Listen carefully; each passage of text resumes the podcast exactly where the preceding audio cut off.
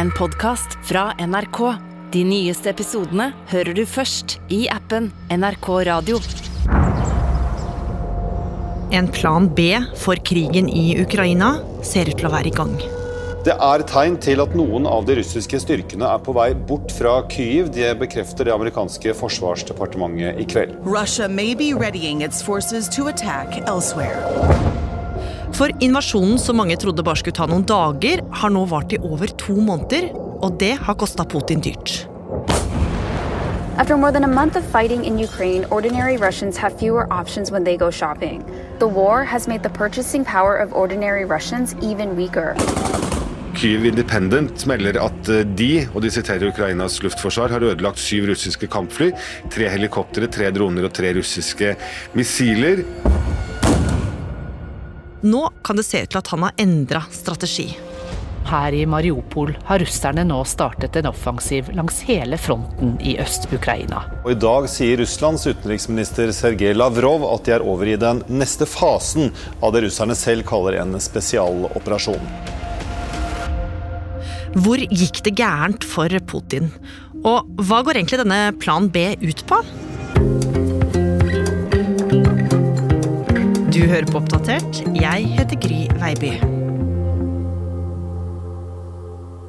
Jeg satt eh, første dagen av krigen og så all videoen som eh, kom inn, og det var mye, og det var en sånn uvirkelig følelse at det var krig i Europa, at det var to mekaniserte hærer som sto mot hverandre. Det var eh, vanskelig å ta inn over seg. Halvard Sandberg, du er utenriksjournalist her i NRK, og mens du satt og dekka krigens første dager, så virka det jo ganske tydelig at Russland hadde en klar plan bak det de gjorde. Før de gikk inn i Ukraina, så var alle overbevist om at eh, de hadde en klar plan. Og den klare planen var å bruke sin overveldende stridsmakt. Altså, Vi hadde jo hørt i ukevis om hvor mange hundre tusen soldater og panservogner det var. Og bare rulle inn og raskt overmanne de ukrainske væpnede styrkene. Å styrte den ukrainske regjeringen og på rekordtid ta over hele landet. Tens of thousands of Russian troops have been just heard a siren go off for the first time.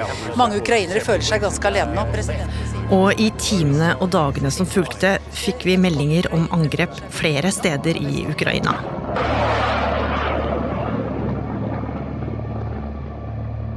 Men så skulle det dukke opp noen litt underlige bilder som fikk deg til å tenke annerledes, Halvard. Ja, det var video fra Kharkiv. Det var eh, et av de første stedene som de russiske styrkene kom. Det er rett ved grensen til Russland. Det var flere videoer som viste massevis av ødelagt russisk krigsmateriell.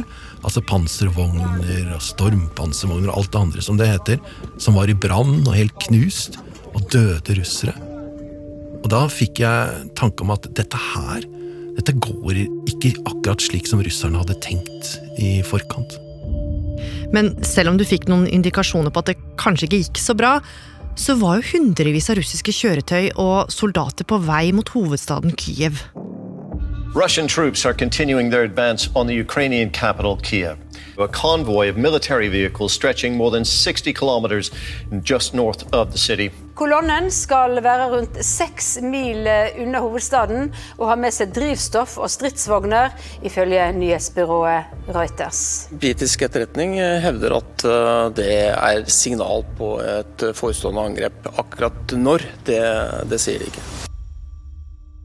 Det kom eh, satellittbilder av en gigantisk kolonne, altså en lang, lang, lang rekke med militært eh, materiell på veien. Og det så ut som en hel, svær, ny hær med alt det den trenger, var retta rett mot Kiev som en sånn spyd som nå, nå skulle russerne inn og ta den ukrainske hovedstaden. Og alle venta nå på den store invasjonen. Men så skjedde det noe merkelig. Kolonna bevega seg ikke. 25 km utenfor hovedstaden Kyiv ble det stopp, og der har kolonnen stått. The, the northern push by the Russians down towards the south, towards Kiev, uh, remains stalled. Supplies are not getting into where they need to go. There's a change in tactics, and they're getting off the road networks. Og så var det folk som begynte å analysere disse satellittbildene, og det de så, var at det, det er jo ikke noe her. Det er ikke noen store panserstyrker der. Det er lastebiler, og de står helt bom stille. Det var en 40 km lang kø som ikke beveget på seg. Og i den køen så lå alt det materiellet som russerne som var i nærheten av Kiev, trengte. Uten at det kom fram, så kunne de ikke gjøre noen ting. De sto bom stille. De hadde ikke vann, de hadde ikke mat, de hadde ikke ammunisjon, de hadde ikke drivstoff. De var helt nøytralisert som en krigsmakt. Men Halvard, hvorfor hadde kolonna stoppa opp? Russerne fulgte ikke sin egen doktrine hvordan du egentlig skal føre en sånn eh, krig. De passet ikke på noen ting av det du skal gjøre. Ikke fikk de forsyninger, ingenting. Helt opplagt så trodde de at de skulle gå inn i Ukraina, og så skulle de ukrainske styrkene legge seg ned og logre og bare gi opp, og det gjorde de ikke, og da gikk absolutt alt i knas. Og mens det gikk i knas, så visste de det egentlig ikke, for dette her ble styrt fra Kreml, dette ble styrt fra Moskva, de hadde ikke en kommandør på bakken som faktisk kunne ta pulsen på det som skjedde, og snu raskt om. Nei, de var helt stivbeinte og greide ikke å få dette til.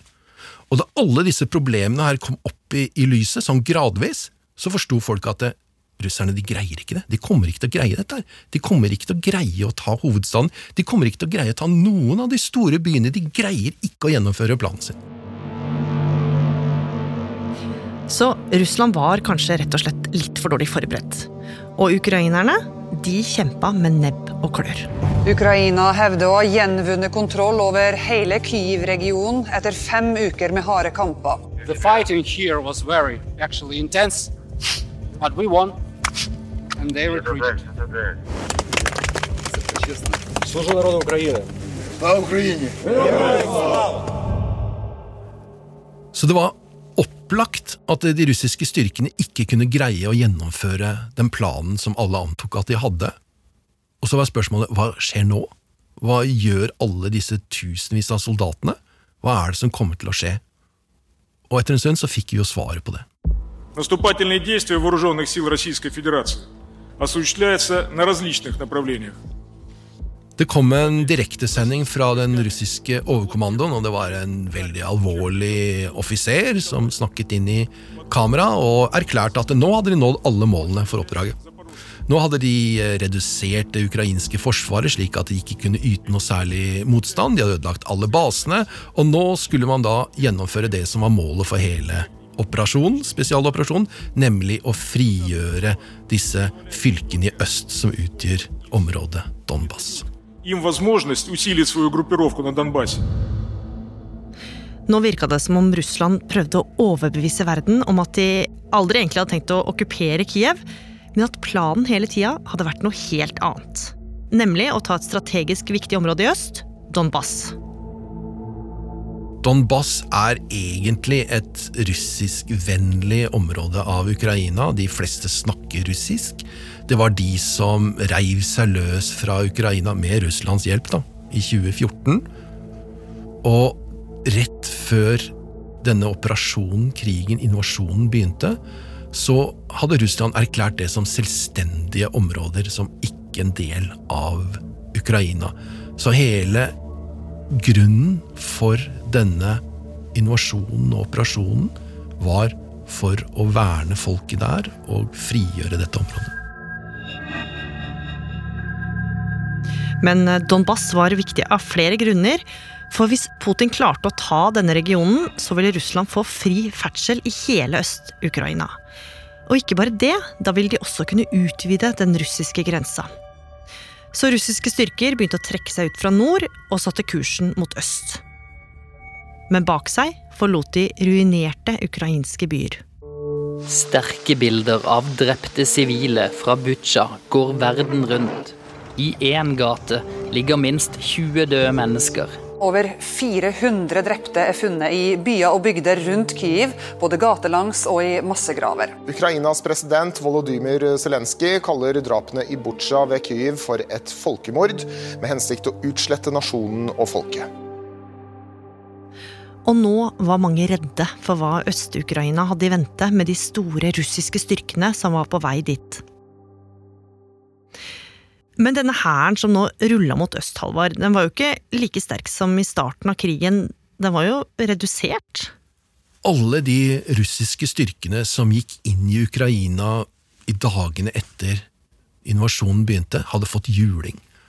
Altså Masse utstyr var ødelagt, mange var drept, soldatene var knekt og dårlig motivert, og nå skulle altså disse samles for en ny, maksimal kraftanstrengelse og gjennomføre et nytt angrep et annet sted i landet. Men for å klare å gjennomføre en ny offensiv, så måtte de styrke hæren. Så Putin verva nye folk.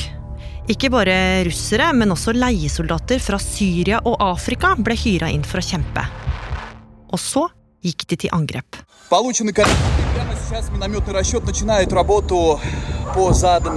The battle for the Donbass region, regarded as the second phase of the war, has begun after Russia launched a major offensive in the east of the country. Mariupol er en annen av byene som de russiske styrkene har lagt i ruiner. I dag har den russiske presidenten Vladimir Putin ordre om å blokkere de rundt 2000 ukrainske soldatene som fremdeles holder ut inne på et stort industriområde øst i byen.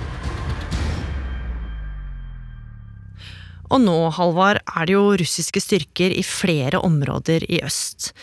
Det er stadig nye kamper, og det ser jo ikke ut til at Russland kommer til å gi seg med det første. Hva er det Putin egentlig vil? Det som ser ut til å være planen, er å ta så mye land som mulig i den østlige delen av Ukraina. Og gjennomføre et nytt angrep med friske tropper, med kanskje en litt annen plan enn den de hadde i begynnelsen, og greie å overvinne den ukrainske motstanden i det området, og kunne erklære en seier. Men de har jo mista masse soldater og utstyr, og de har tapt ansiktet i Vesten, og nå har Putin måttet legge en ny plan. Hvordan skal det være en seier?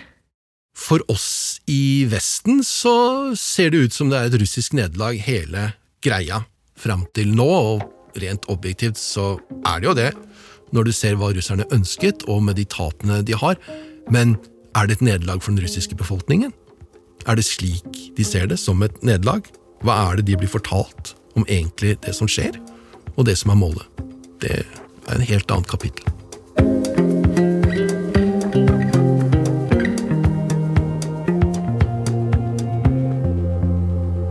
Oppdatert er en podkast fra NRK Nyheter, og denne episoden er laga av Lars Hægeland, Tiril Mettesdatter Solvang, Id Skrivarhaug, Andreas Berge og meg, Gry Baby. Programredaktør er Knut Magnus Berge.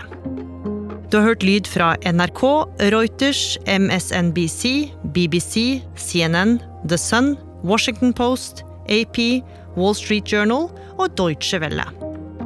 Har du tips eller innspill, send oss gjerne en e-post på oppdatert krøllalfa nrk.no. En podkast fra NRK. Jeg er på vei hjem fra skolen. Da gikk to gutter forbi, og han ene spytter da på meg og sier da 'jævla svarting'.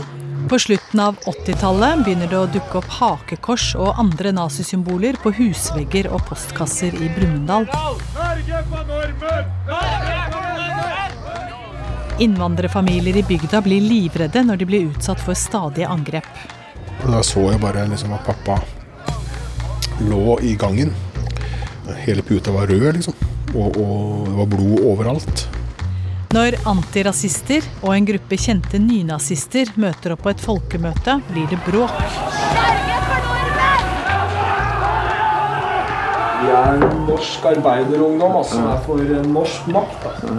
Og må kunne gå an å si at vi er for Norge og for Europa uten å bli kalt rasister. Jeg heter Kaja Frøysa, og jeg har laget dokumentarserien 'Gateslaget i Brumunddal'. Gateslaget i Brumunddal hører du først i appen NRK Radio.